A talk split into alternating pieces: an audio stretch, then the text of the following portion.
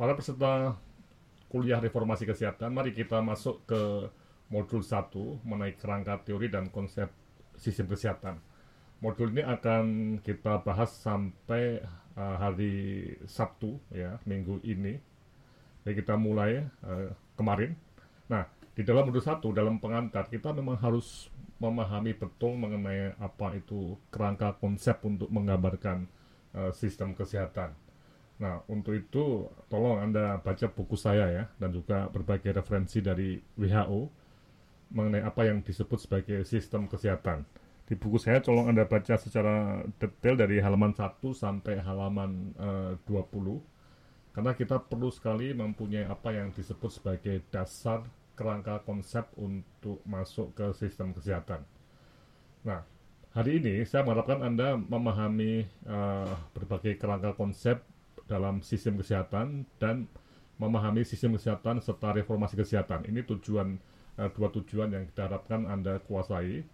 Dan nanti mulai besok kita akan membaca uh, teori-teori dalam reformasi kesehatan yang dicanangkan sejak 20 tahun yang lalu.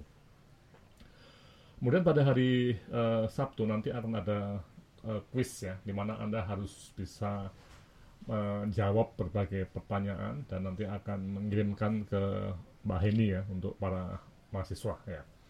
Jadi ini sebuah pelatihan yang betul-betul continue ya secara hari ke harinya kita akan lakukan. Oke, jadi kalau kita masuk ke kerangka konsep dalam sistem kesehatan itu memang ada banyak model ya, ada yang dari WHO ya, ada dari uh, Harvard University, tapi intinya itu jelas bahwa ada semacam pemahaman dasar ya bahwa sistem kesehatan itu adalah tools ya alat alat untuk mencapai tujuan.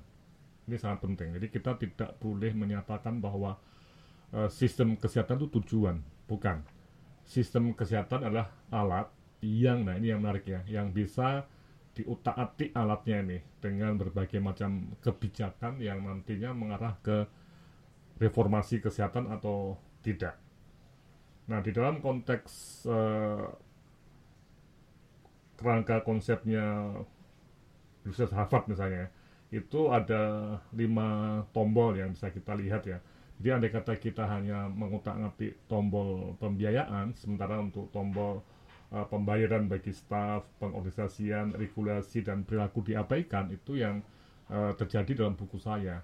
Yang satu dalam buku saya ya bahwa Indonesia belum mempunyai uh, pengalaman melakukan reformasi secara menyeluruh karena yang diutak-atik banyak baru tombol uh, pembiayaan. Nah, untuk itu harap Anda baca terutama ketika kita masuk pada suatu uh, pertanyaan besar ya, apakah tahun ini kita akan mulai dengan reformasi baru. Nah, atau siklus baru dalam reformasi. Nah, ini yang menjadi pertanyaan besar untuk uh, kita semua. Oke, silahkan baca untuk mengidentifikasi berbagai kerangka konsep dalam sistem kesehatan dan memahami sistem kesehatan sebagai tools dan hubungannya dengan reformasi kesehatan.